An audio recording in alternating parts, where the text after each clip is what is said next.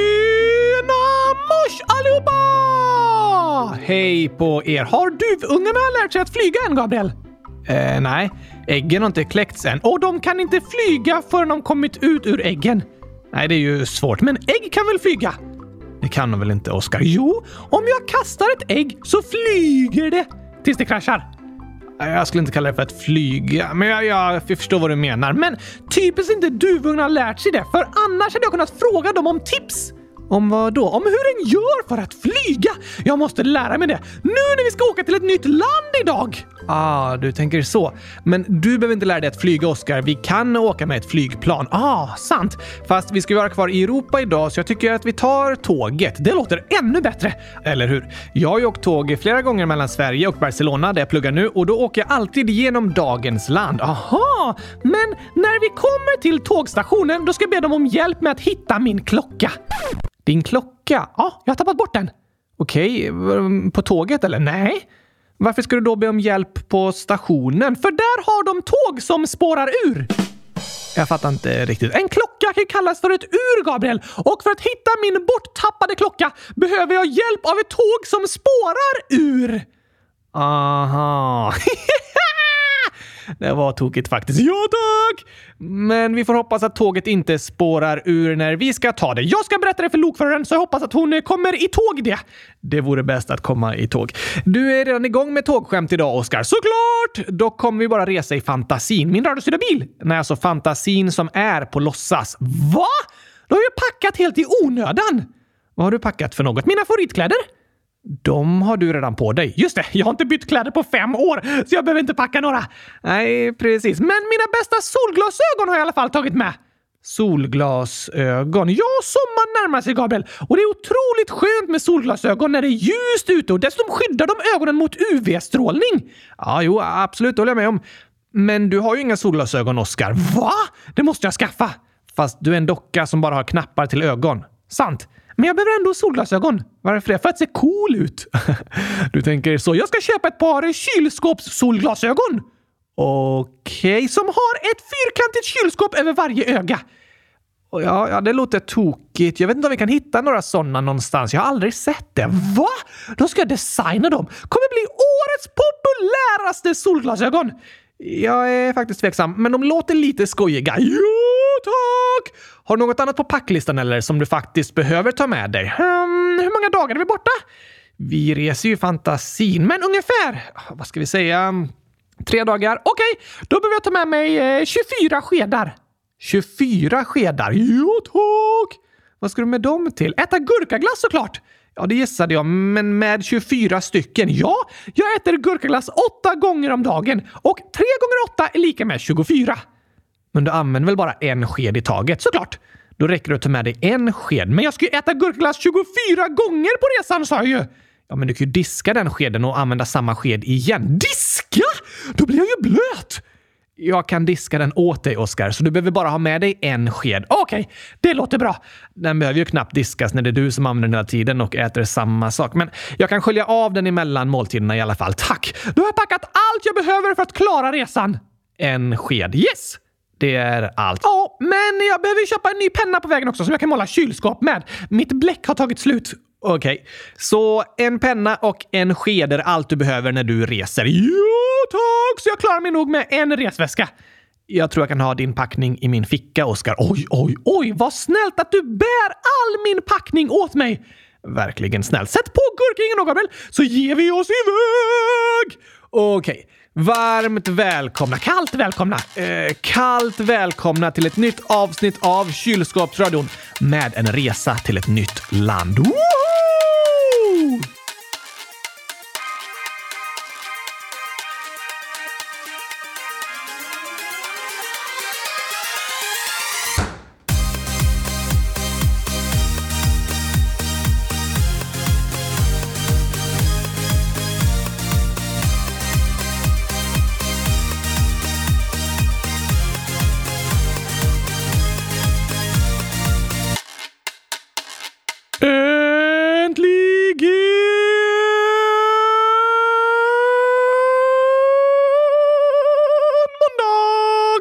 och äntligen avsnitt 100 356 av Kylskåpsradion. Alltså, jag tycker om att ha helg, Gabriel, och vara ledig och så, men jag går ändå alltid och längtar lite till måndagen när det kommer ett nytt avsnitt.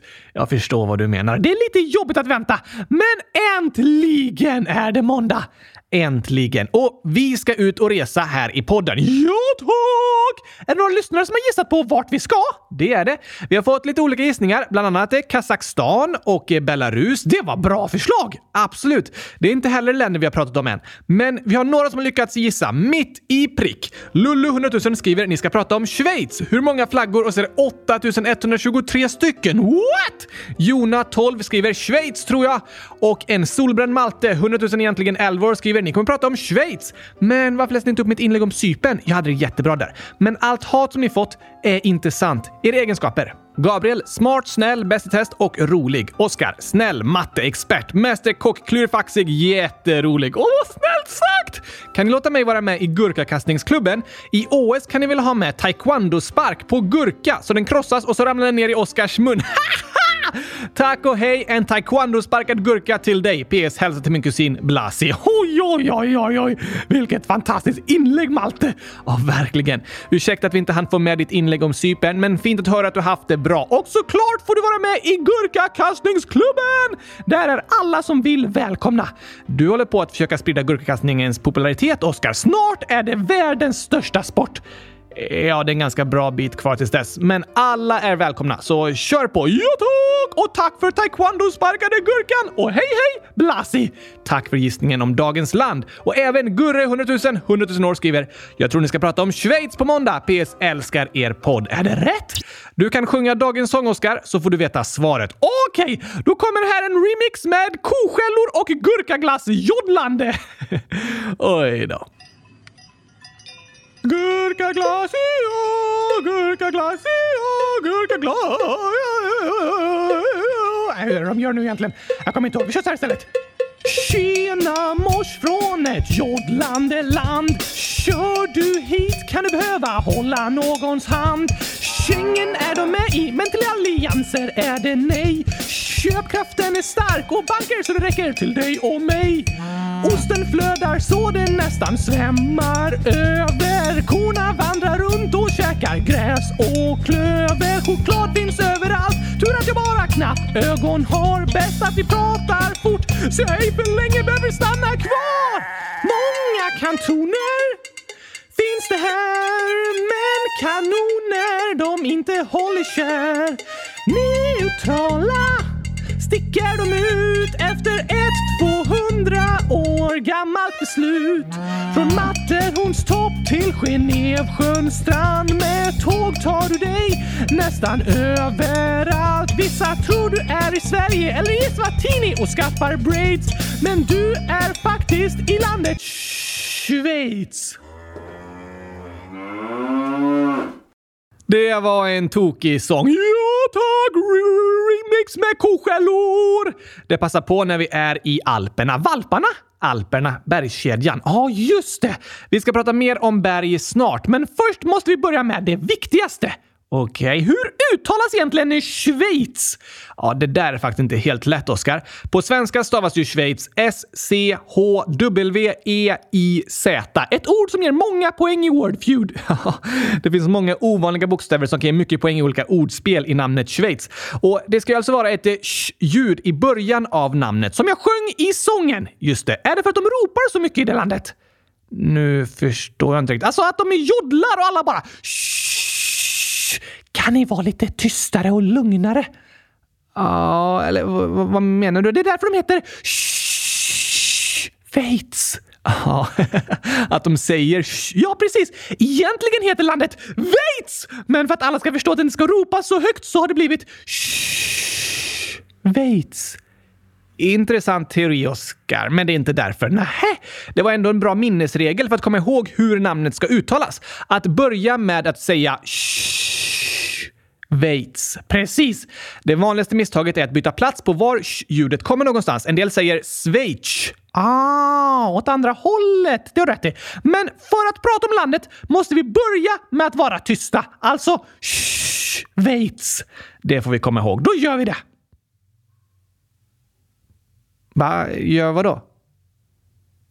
Vad händer, Oskar? Jag börjar avsnittet med att vara tyst eftersom shh kommer först i ordet.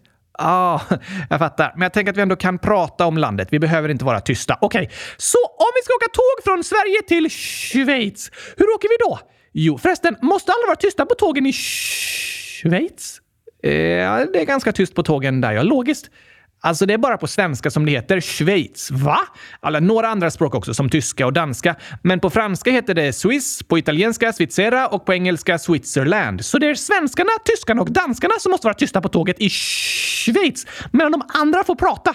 Eh, nej, samma regler gäller för alla. Aha! Men om jag åker tåg från min hemstad i Sverige, Borås, då får vi först ta ett tåg ut till västkusten, antingen till Göteborg eller Varberg, för att där hoppa på tåget som går mellan Göteborg och Köpenhamn. Okej! Och när vi väl är framme i Danmark så köper vi en hamn och tar båten till Schweiz. Nej, det är lite svårt. I Köpenhamn tar vi tåget till Hamburg. Då borde staden heta Ta ett tåg istället för Köp en hamn. Kanske det. Förra sommaren hade jag alltid många problem när jag åkte tåg mellan Köpenhamn och Hamburg och flera gånger blev jag tillsammans med massor av andra resenärer fast på stationer i olika danska städer. Oj då!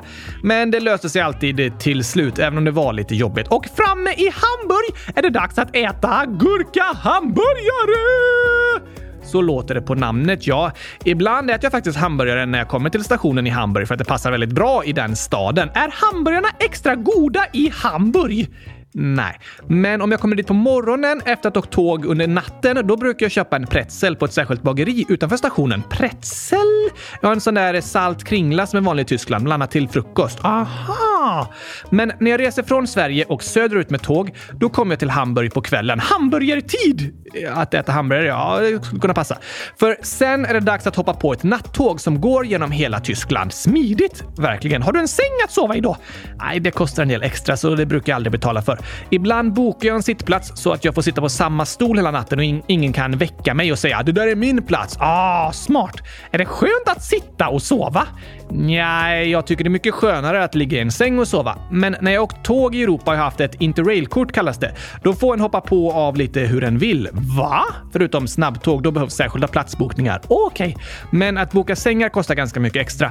Och det är helt okej att sitta och sova också tycker jag. Så, så får det bli. Tipset är att ta med en nackkudde. Då går det att vila huvudet och sova bättre när ni sitter på en stol. Smart! Eller hur? Det är mitt bästa tips faktiskt. Så sitter du på samma tåg hela vägen från Hamburg till Schweiz? Ja, det går nattåg åt båda hållen genom hela Tyskland. Så om jag till exempel går på tåget klockan nio på kvällen i Hamburg så är jag framme i Zürich i Schweiz klockan nio nästa morgon. 12 timmar på samma tåg! Ja, Fast när jag åker från Sverige till Barcelona, då går jag av i staden Basel i norra Schweiz och åker därifrån vidare till Genève i västra Schweiz för att ta tåg genom Frankrike. Aha! Det finns lite snabbare tåg genom Tyskland, men det nattåget jag brukar ta stannar i många städer på vägen och det brukar ta ungefär 10 och en halv timme från Hamburg till Basel. Men det är ganska skönt att det är så långt tycker jag, så att det går att sova på samma tåg i många timmar i sträck. Sant! Det är därför jag alltid tar det tåget när jag tågluffar genom Europa, för att inte behöva byta tåg mitt i natten eller tvingas sitta på en station i flera timmar mitt i natten. Det låter inte så skönt. Nej, inte direkt. Men det är skönt när jag kommer fram på morgonen och får sträcka på benen efter en hel natt sittandes på tåget. Det förstår jag. Men då är vi alltså framme i Schweiz! Yes, ganska smidigt ändå. Ja. Från Göteborg, eller från Stockholm för den delen, kan du resa till Schweiz med bara två tågbyten. Först ett tåg till Köpenhamn, därifrån tåg till Hamburg och sen ett långt nattåg genom hela Tyskland till Basel eller Zürich i Schweiz. Hur lång tid totalt? För mig har det tagit ganska exakt 24 timmar från Göteborg till Zürich. Då åker du på morgonen ena dagen, sitter på tåget under den dagen och sover på tåget på natten och är framme nästa morgon. Smidigt! Ja, ganska. Det tar ju ett tag. 24 timmar är länge att resa. Och när jag åker till Barcelona brukar det ta ett dygn till, oftast runt 48 timmars resande. Oj då! Då är det skönt att komma fram sen. Men nog om tågresande för idag. Nu vet vi i alla fall hur vi tar oss till dagens land! Ja, det vet vi, även om vi reser i fantasin. En fråga till bara. Är det vackert att åka tåg i Schweiz? Ja, det är väldigt vackert. Det är fint att tågluffa genom Alperna tycker jag. Och när jag har kommit till Schweiz på mina resor har jag ofta haft en del krångel på vägen dit, särskilt problem med inställda tåg i Frankrike eller sträckan mellan Köpenhamn och Hamburg. Men i Schweiz Schweiz har tågen alltid gått exakt i tid. Skönt! Verkligen. Så när jag planerar mina tågrutter brukar jag räkna med att det går att ha ett supersnabbt tågbyte på under 10 minuter i Schweiz eftersom tågen där brukar vara i tid. Men i vissa andra länder brukar jag planera med längre byten för säkerhets skull om ett tåg skulle vara försenat, vilket det ganska ofta är. Ah, Okej, då fattar jag. Smart tänkt! Men ska vi gå in på våra 10 snabba frågor nu? Du menar 12 långsamma frågor? Just det. Eller typ eh, 16-17 stycken i medelfart? Ja, men vi tar dem snabbt som en sköldpadda. De är väl inte särskilt snabba i vatten?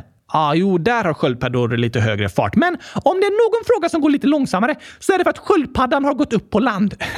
Jag fattar. Okej, första frågan! Språk. Oj, oj, oj. Redan där har sköldpaddan gått upp på land. Varför det? För landet Schweiz är uppdelat i flera olika områden och även flera olika språk. Aha! Det fullständiga namnet på landet är faktiskt Schweiziska konfederationen. Okej! Och Schweiz ligger ju mitt i Europa och gränsar till många andra länder. Frankrike, Tyskland, Italien, Österrike och Liechtenstein. Mitt i smeten! Det kan man verkligen säga.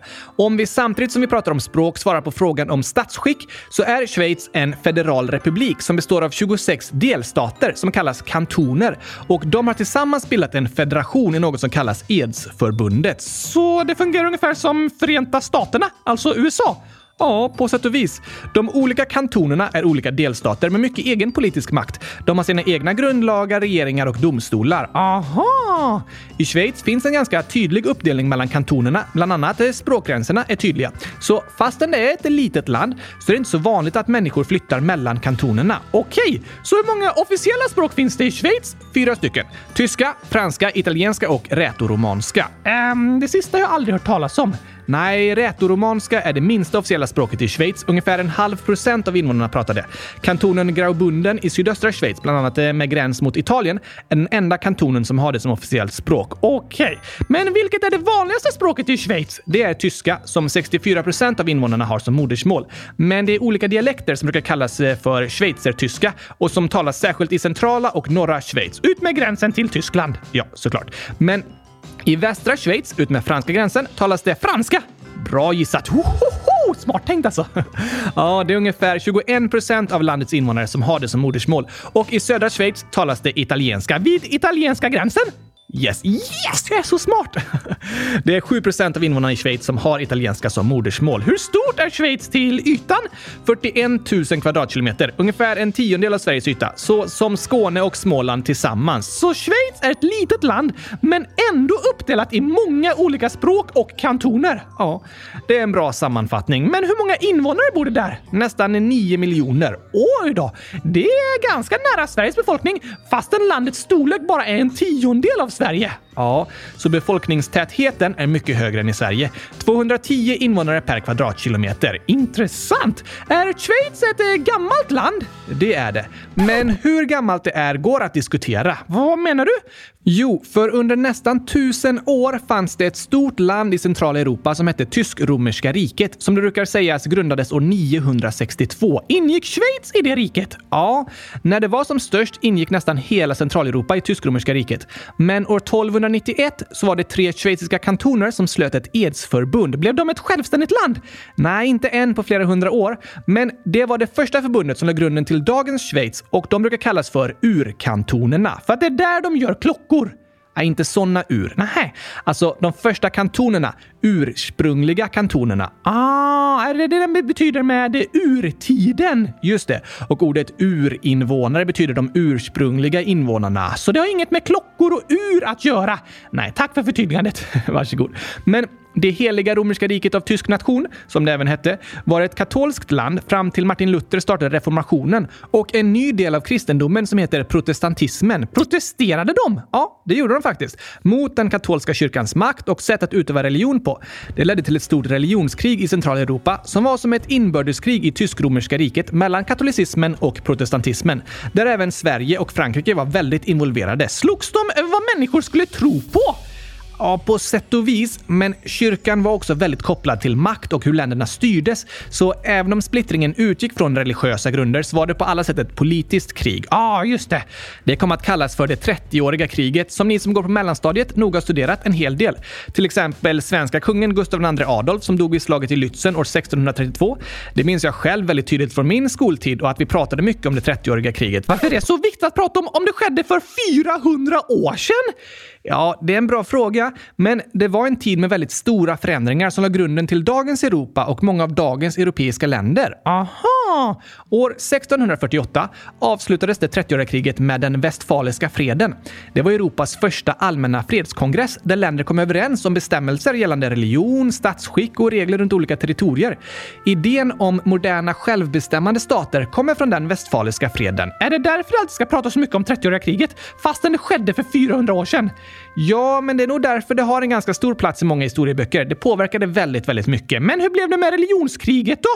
I freden bestämdes det att varje land hade rätt att bestämma sitt eget lands religion. Aha! Fast det fanns bara tre olika varianter av kristendomen att välja på. Oj då. Så inte direkt är religionsfrihet. Nej, verkligen inte.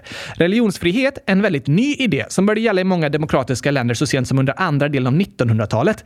Under hela historien har religion och kyrkans makt varit väldigt sammankopplad med statsstyren, kungahus och regeringar. Och många krig har utkämpats i religionens namn. Det gör det fortfarande. Ja, det finns fortfarande krig och konflikter där religion spelar en central roll.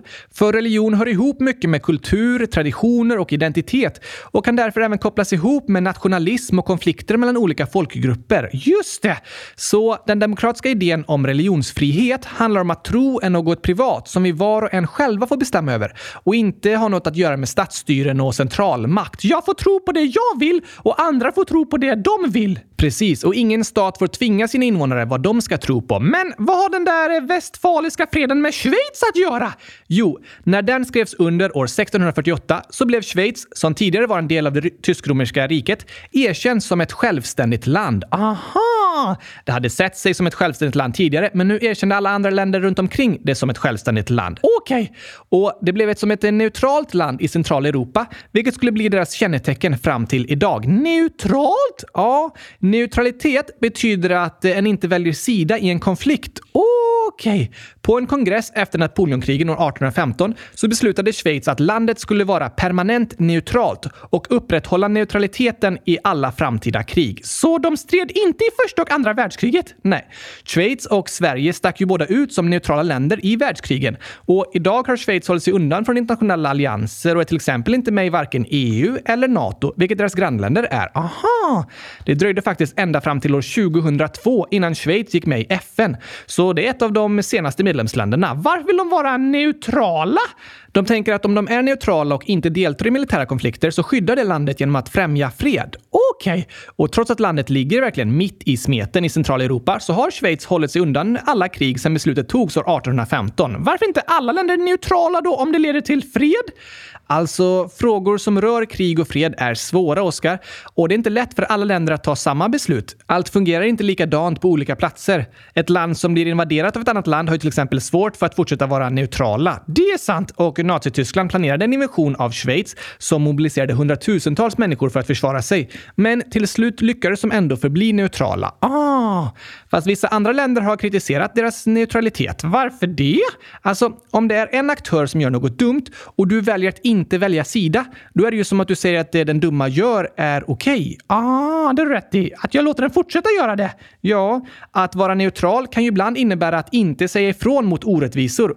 Och det är inte alltid det bästa alternativet. Nej tack! Vi pratar ju ofta här i podden om att stötta varandra genom att säga ifrån när någon behandlas illa. Men det är inte alls så lätt för ett litet land som Schweiz att säga ifrån mot stora länder. Nej, det där påverkar också. Det är lättare för ett litet land att vara neutral, för om ett stort, mäktigt land väljer att vara neutral så blir det som att det väljer sida genom att inte säga något. Det är klurigt det här med internationella relationer. Ja, det är det. Men samtidigt väldigt intressant. Ja, tack! Och för Schweiz och invånarna i det landet har beslutet om neutralitet blivit lyckat eftersom det har hållit landet utanför krig och konflikter i över 200 år. Just det! Men eh, nu lämnar vi statsskick och sån där krigshistoria och tar oss an lite annan spännande fakta om Schweiz. Det tycker jag låter bra. Jag ändrar på ordningen och frågar om eh, vanliga maträtter. Alltså, Schweiz är känd för sina ostar. Schweizerost! Precis. Och det påverkar även landets populära maträtter. Ostfondue är till exempel en specialitet. Fondue? Ja, då har du smält ost i typ en gryta och så doppar du brödbitar och köttbitar och grönsaker där i. Va? Det låter väldigt eh, ostigt. Det är det verkligen. Och en annan variant är raclette. Då har alla varsin typ av ministekpanna i handen som de lägger en ganska tjock ostskiva och i och ställer på en varm, oftast elektrisk grill så osten smälter. Sen lägger du den smälta osten på kokt potatis, svamp, bacon eller något annat. Gurka? Eh, ja, ättiksgurka är vanligt tillbehör till raclette. Låter jättegott! Osten? Nej, gurkan såklart. Ja, såklart. Vanligaste sporten då? Fotboll är den populäraste sporten i Schweiz. Va? I VM i december tog sig herrlandslaget till åttondelsfinal där de förlorade mot Portugal. Och 2018 tog de sig också till åttondelsfinal, men då förlorade de mot... Eh, Mongoliet? Nej, Sverige. Aha! Så trots sin ringa storlek är de ett stort fotbollsland. På damsidan har de inte haft samma framgångar, men de tog sig till VM för första gången år 2015 och ska spela VM i Australien i år också. Där är de i samma grupp som Filippinerna, Norge och Nya Zeeland. När börjar fotbolls-VM i sommar? Damernas fotbolls-VM spelas i år i Australien och Nya Zeeland och börjar den 20 juli. Det håller på till finalen den 20 augusti. Aha! Vilka är i Sveriges grupp? Argentina, Italien och Sydafrika. Oj, oj, oj! Argentina! På herrsidan hade det varit en väldigt svår match, men på damsidan är Sverige tillsammans med Italien favoriter att ta sig vidare från den gruppen. Vi får prata mer om det när det närmar sig. Det får vi göra. Men Schweiz utmärker sig även som fotbollsland genom att huvudkontoret för både Fifa och Uefa ligger i Schweiz. Aha! Det finns väldigt många internationella organisationer som har valt att ha sina huvudkontor i Schweiz för att det är ett neutralt land. Ja, precis. Att landet har haft en lång politisk och militär neutralitet har gjort att det varit passande att ha kontoren för internationella organisationer där. För att inte tydligt välja sida liksom. Och sen så med tiden så skapas det ju diplomatiska kvarter där intresseorganisationer tjänar på att ha sina kontor nära politiska organisationer och så. Sant! Och den geografiska positionen i mitten av Europa påverkar också och även skattelagar, löner och arbetslagar. Så det finns olika anledningar. Men idag hittar du kontoren för till exempel Fifa, Uefa, Röda Korset, Världshandelsorganisationen, Världshälsoorganisationen och många andra i Schweiz. Okej, men finns det några andra populära sporter i Schweiz? Ja, skidåkning är ju såklart populärt. Ja, tack! På tal om det så måste vi prata om högsta bergen. Ja, Schweiz är ju ett land som är känt för sina höga berg, särskilt bergskedjan Alperna. Ligger den i Schweiz? Ja, men den sträcker sig över flera länder. Från Frankrike i väst, genom norra Italien och Schweiz, till Österrike, Liechtenstein, Tyskland och även Slovenien. Vilket är det högsta berget? Det är Mont Blanc som är 4807 meter högt. Wow! Fast det ligger inte i Schweiz, utan på gränsen mellan Italien och Frankrike. Aha! Väldigt nära schweiziska gränsen dock. Vilket är det högsta i Schweiz då? Det är toppen Duforspitze som sträcker sig 4634 meter upp på gränsen mot Italien. Okej! Är det många berg som ligger på gränsen mellan länder? Ja, det är det. För en bergskedja är ju en ganska naturlig avdelning mellan två länder. Sant! Ni bor på den sidan bergen, så bor vi på den här sidan bergen. Berg, floder, sjöar, hav. Det är vanliga att dra landsgränser ut med. Smart! Men ett av de kändaste och kanske mest mytomspunna bergen är Matterhorn. Matterhorn? Det ligger nära den andra toppen du får spitse vid byn Zermatt, så också på gränsen mot Italien. Ja, precis. Varför är det berget känt? För att det är en väldigt tydlig topp med branta bergsväggar. Aha! På tyska betyder matte äng och horn brant bergstopp. Passande namn! Ja, och på dagens avsnittsbild ser ni Matterhorn. Det är faktiskt ett coolt berg.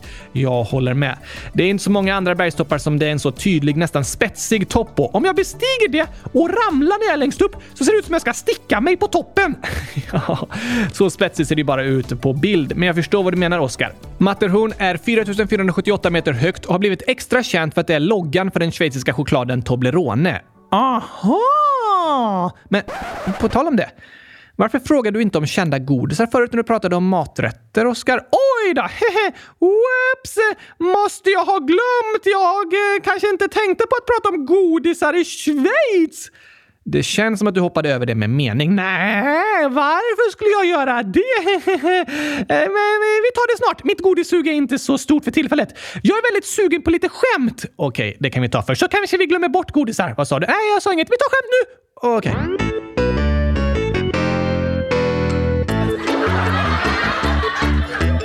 Ha ha ha!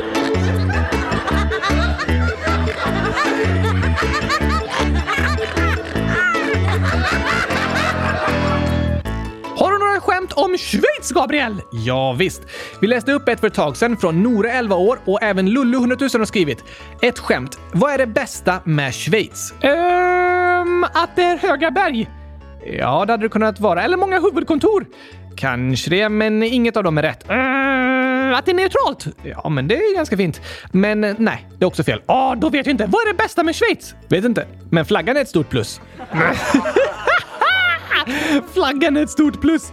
Det är roligt för Schweiz flagga är ju en röd bakgrund med ett vitt plustecken. Just det!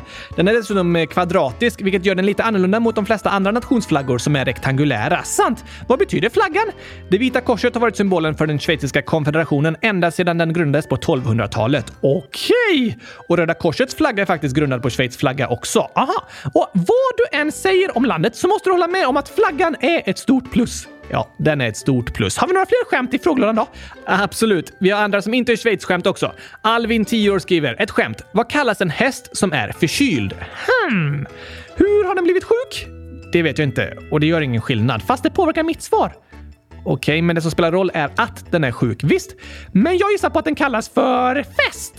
Jaha, för den blev smittad på en fest? Aha. Ja, det hade varit möjligt, eh, men tyvärr fel. Då vet jag inte. Alvin skriver hest. Hest! en hes häst! Precis, det låter så på namnet. Hest! var väldigt tokig. Och på tal om tokerier så skriver Gurkan Gurkaålder “Jag har ett skämt!” Wow! Vad är duschens favoritchips? Duschen? Ja, hmm. Kanske smak av havssalt? Ja, men smart tänkt. Det får duschen när den duschar efter ett havsbad. Precis. Då får ju duschen lite havssalt i sig, men eh, det var fel. Ah, Okej, då gillar duschen eh, grillchips från människor som luktar rök efter en grillfest. Också bra gissat, men inte heller rätt. Då vet jag inte. Gurkan skriver “shower cream and onion”. Ah, Oh, Den var bra. Låt som sour cream and onion. Ja, som betyder gräddfil och lök. Min favoritsmak. Fast shower cream and onion låter inte lika gott. Shower betyder ju dusch på engelska. Så nej, en duschkräm, shower cream, låter inte som en särskilt god chipssmak. Fast det tycker duschen. Det tycker den nog. Men jag hade inte velat testa shower cream and onion. Vad tokigt, Gurkan. Väldigt tokigt skämt. Tack för det. Hoppas inte det kommer till affärerna.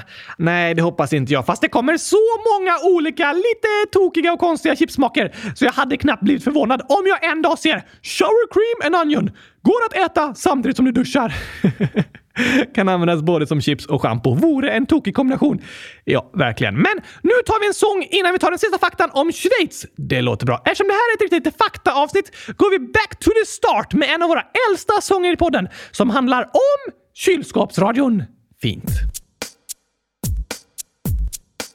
Kom igen! Dum, tysch! Dum, tysch! Och en, två, tre, hundratusen! Yeah! Nu kör vi igång, Gabriel! Det gör vi. Oh!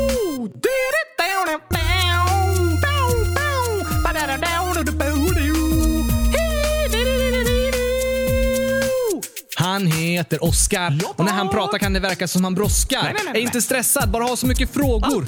Som kryper under skinnet som Ah. små plågor. Han vill ha svar, han undrar vad han kan få veta. Men som bestämt vad alla länder ska få heta. Varför vuxna människor måste arbeta. Alltid undrat. Och vintern är kall men sommardagar heta. Vad är det där? Hur blir man kär? Varför finns det en Hur militär? funkar dass och medelklass? Jag får äta gurkaglass! Vi vill veta hur saker går till. Eller hur? Så lyssna på oss här om det är något du också vill. Ska vi sjunga om dig nu, Gabriel? visst, eh, här har du texten. Okej, jag läser! Då ska vi se. Han heter Gabriel, han håller sin hand genom Oscars bakdel. Tillsammans har de ett fantastiskt samspel när han rättar till alla Oscars sakfel. Vad är det för text, Gabriel? Jag har aldrig fel. Eh, Okej, vad blir ett plus ett? Hundratusen! Precis. Vi vill veta hur saker går till. Eller hur? Så lyssna på oss här om det är något du också vill. När Oskar räknar matte Ja. verkar det som någon snott hans hjärna och jag har ersatt ingen den med en etta och fem nollor. Om Hundratusen! du letar efter honom bland husen har du gått fel för Oskar sover i ett kylskåp. Kylskåp! Hela dagen sitter han och målar. Kylskåp! finns inget som man älskar så som... Kylskåp! Kan prata hela dagen om. Kylskåp! Nu slutar vi att sjunga om. Kylskåp! Men varför det? Kan du ge se att kylskåp ger livskvalitet? De är mitt hem, det vackraste som man kan se med ögonen! Där fick du till Oskar. Ja, det blev lite tajt om tid där, men jag hann få med allting. Ja, matkvalitet kanske kylskåp ger. Nej, livskvalitet också. det är viktigt med mat och så. Vi vill veta hur saker går till. Allihopa! Kom igen, kom igen! Så lyssna på oss här om det är något du också vill. Nu sjunger vi tillsammans! Vi vill veta hur saker går till. Saker går till. Så lyssna på oss här om det är något du också vill. Yeah, yeah! Ja, ni måste lyssna på kylskåpsrören alltså. Ja, det får ni göra. Ja, tack! På tal om Schweiz och olika tokerier, Gabriel, så är det många som blandar ihop Schweiz och Sverige. Det är det verkligen. Hur kan de göra det? Alltså, det finns ju ändå vissa likheter. Vilka då? Mm, Ungefär lika många invånare, ja, och två neutrala länder i Europa. Det är sant. Och så har vi ju inte så höga berg i Sverige, men det är ändå två vintersportländer liksom. Ja, men du har en poäng. Men mest har nog ändå att göra med att namnen är väldigt lika. Sverige och Schweiz är väl inte så likt? Lite likt och ännu mer likt på andra språk. Sweden och Switzerland på engelska. Nej, borde ändå inte blandas ihop. Nej, men på spanska då. Suecia och Suiza. Okej, det var faktiskt likt Suecia och Suiza. Ja, det är många som tror att jag är från Schweiz när jag säger att jag är från Sverige.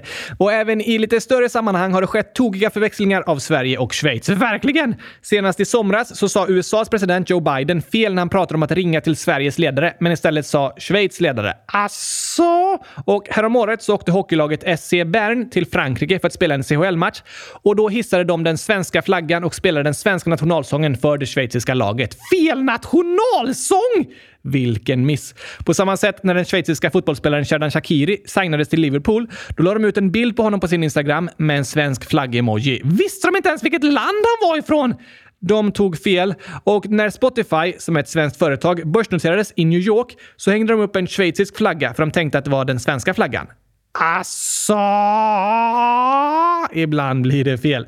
Men vi är inte det enda landet som är frustrerade över att bli förväxlade med Schweiz. Inte? Nej. I södra Afrika ligger ett land som hette Swaziland. Låter nästan som Switzerland. Ja, de namnen är väldigt lika på engelska. Swaziland och Switzerland. Och det var en av anledningarna till att de år 2018 valde att byta namn till Eswatini. Eswatini? Ja, bara för att inte bli ihopblandade med Schweiz. Delvis så anges det som förklaring. Ja, då tycker jag att Sverige kan byta namn till Gurkaland. Nej, kylskåpsland är också okej. Det är de två alternativen. Bara att rösta! Eh, bra förslag. Vi får se om det är något som kommer tas vidare till regeringen och så. Men Swaziland och Switzerland låg inte så nära varandra i alla fall. Nej, inte direkt. Så jag kan förstå att en del blandar ihop Schweiz och Sverige av andra anledningar också, inte bara namnen. Som två liksom vinterländer med ungefär lika många invånare. Just det! Men lite mer fakta om Schweiz, inte om Sverige. Vi ska säga rätt land. Valuta! Schweizerfrank. Inte euro. Nej, de är ju inte med i EU. Ah, är det bara länder som är i EU som har euro? Ja, men inte alla. Sverige är ju med i EU, men har en egen valuta. Just det! Hur mycket är en schweizerfrank värd? 11,5 svenska kronor i dagens växlingskurs, men det ändras hela tiden. Yes. Men Schweiz är ju ett känt land när det kommer till ekonomi, särskilt som ett bankland. Just det, det har jag sett på film. Ja, men det är ofta schweiziska banker är med på film. Bland annat för att de har en väldigt hög sekretess om sina kunder, så ofta göms det värdefulla föremål i schweiziska banker på filmer. Varför finns det så många banker där? Schweiz har en väldigt stark ekonomi och är ett av världens rikaste länder. Och de har ett system där inte staten får lägga sig i ekonomin så mycket, så att bankerna är väldigt starka. Och det är många rika personer från andra länder som flyttar sina pengar och hela företag till Schweiz för att komma undan att behöva betala skatt i sitt hemland och så. Oj då! Men vilken är Schweiz eh, huvudstad?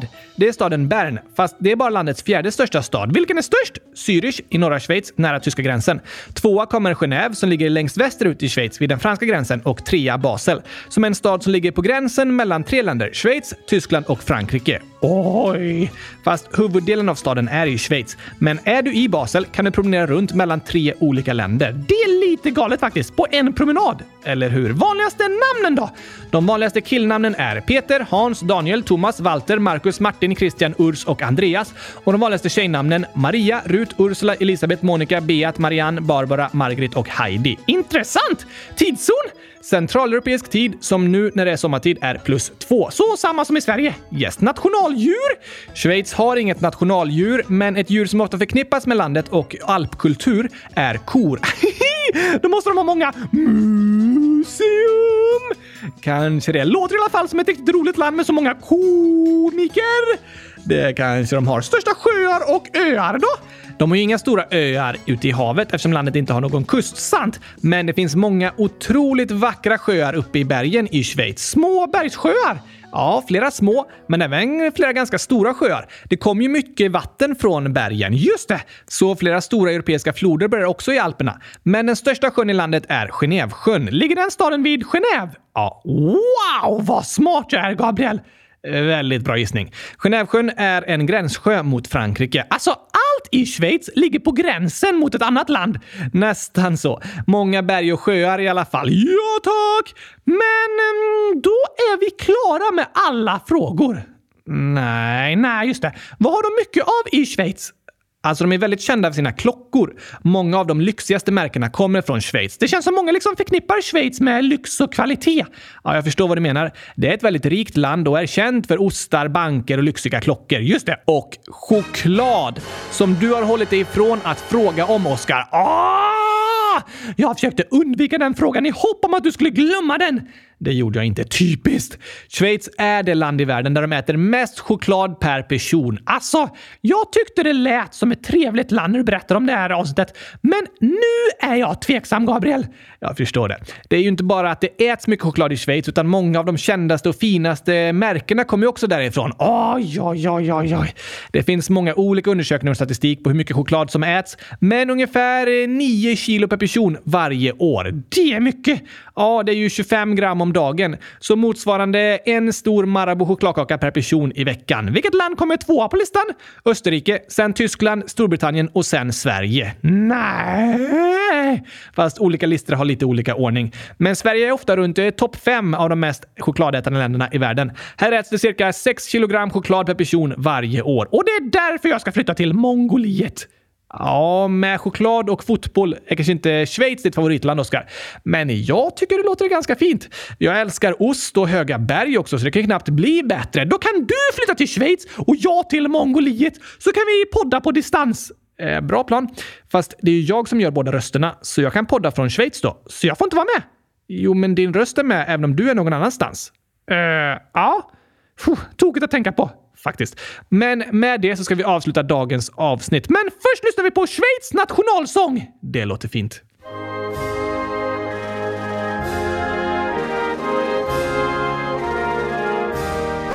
Vänta. Det där är ju Sveriges nationalsång, Oscar. Oj! Jag blandade visst ihop Sverige och Schweiz! Vilket misstag! Det kan alla göra. ja, det är du inte först med att göra. Nej tack! Vad tokigt! Här kommer Schweiz nationalsång!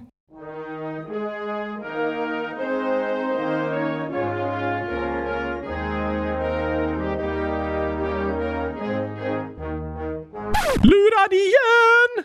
Vad menar du? Det var Eswatinis nationalsång! Aha, hörde du inte det? Nej, Jag kan faktiskt inte Eswatinis nationalsång. Va? Och du ska ju inte blanda ihop dem längre nu när det bytt namn. Innan det hette Swaziland, det var då de blandades ihop. Ja, just det, just det. Nu när det heter Eswatini så blandas de inte ihop längre. Kanske lite, men förhoppningsvis inte så mycket. Men kan du spela upp Schweiz riktiga nationalsång den här gången då? Okej, här kommer den!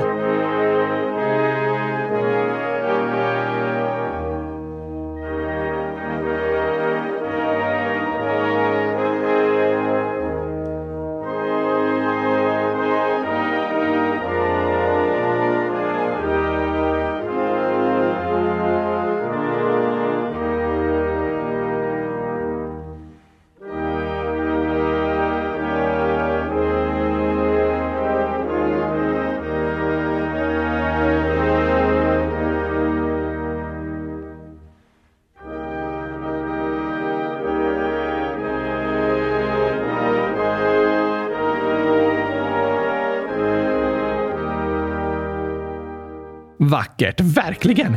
Hoppas ni tyckte om att resa till ett nytt land. Det är spännande faktiskt. Det tycker jag också. Men på torsdag har vi mer tid för frågor och inlägg. Det blir också fint.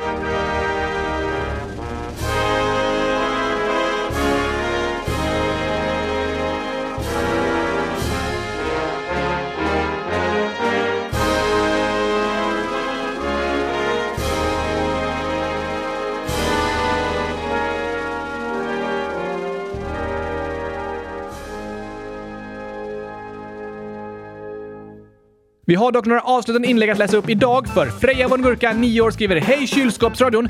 Vilket är Oskars favoritdjur som lever på land? PS jag fyller år den 26 april. Oj, oj, oj! Grattis på 10-årsdagen Freja! 100 000 grattis till dig! Det är fantastiskt att fylla 10 år! Det vet du väl, Oskar? Ja tack, jag har gjort det väldigt många gånger. Ja, men Freja har bara en 10-årsdag och vi hoppas att den blir bäst i test, såklart! Vilket är ditt favoritdjur då, Oskar? Ehm, sjögurka. På land. Fångad sjögurka. Som lever på land. Aha. Ehm, katter och kor, de har vi många skämt om. Ja, det är sant. Jag gillar apor. De lever väl i träden, inte på land? Ja, fast det är ju på land. Sant. Tack för frågan och grattis till dig, Freja. Sen skriver Ingrid, 10 år. Kan ni gratta mig? Jag fyller 11 den 26 april. Snälla, jag vill inte ha gurkaglass på min födelsedag. Okej, då hoppas vi att du får världens bästa födelsedag utan gurkaglass, Ingrid! Det hoppas vi verkligen. 100 000 grattis på 11-årsdagen! Det önskar vi dig. Ingrid har även skrivit en del frågor, bland annat föreslagit grupptryck som dagens ord. Det är ett viktigt ord. Tyvärr har vi inte pratat om det idag. Tyvärr inte. Men vi pratar lite om det i avsnitt 100 099 och kommer fortsätta prata om det framöver också. Ja, tack! Ingrid frågar även om din bästa vän Oskar och om du har sett Bäst i test. Det har jag och min bästa vän som är bäst i test är du Ingrid och alla andra lyssnare. Det är dina bästa vänner, såklart! Ingrid frågar även om din födelsedag och hur gammal du är, Gabriel. Jag är 29 år och fyller 30 den 18 juni, samma dag som kylskåpsradions födelsedag! Precis. Oj, oj, oj, oj! Det blir speciellt, men det är ett tag tills dess. Ja. Tack för dina frågor och 100 000 grattis Ingrid! Och tack till alla som lyssnat idag! Vi hörs igen på torsdag! Det gör vi. Jag längtar redan. Jag också. Tack och hej! Gurkapastej! Hej då! Gurkaglass, ja, gurkaglass, ja, gurkaglass. Vad är det de gör nu egentligen? Jag kommer inte ihåg. Vi kör så här istället. Tjena mors från ett joddlande land. Kör du hit kan du behöva hålla någons hand. Schengen är de med i, men till allianser är det nej. Köpkraften är stark och banker så det räcker till dig och mig. Osten flödar så det nästan svämmar över. Korna vandrar runt och käkar gräs och klöver. Choklad finns överallt. Tur att jag bara knappt ögon har. Bäst att vi pratar fort så jag ej för länge behöver stanna kvar. Många kantoner finns det här Men kanoner de inte håller kär Neutrala sticker de ut efter ett 200 år gammalt beslut Från Matterhorns topp till Genevsjöns strand Med tåg tar du dig nästan överallt Vissa tror du är i Sverige eller i Eswatini och skaffar braids Men du är faktiskt i landet Schweiz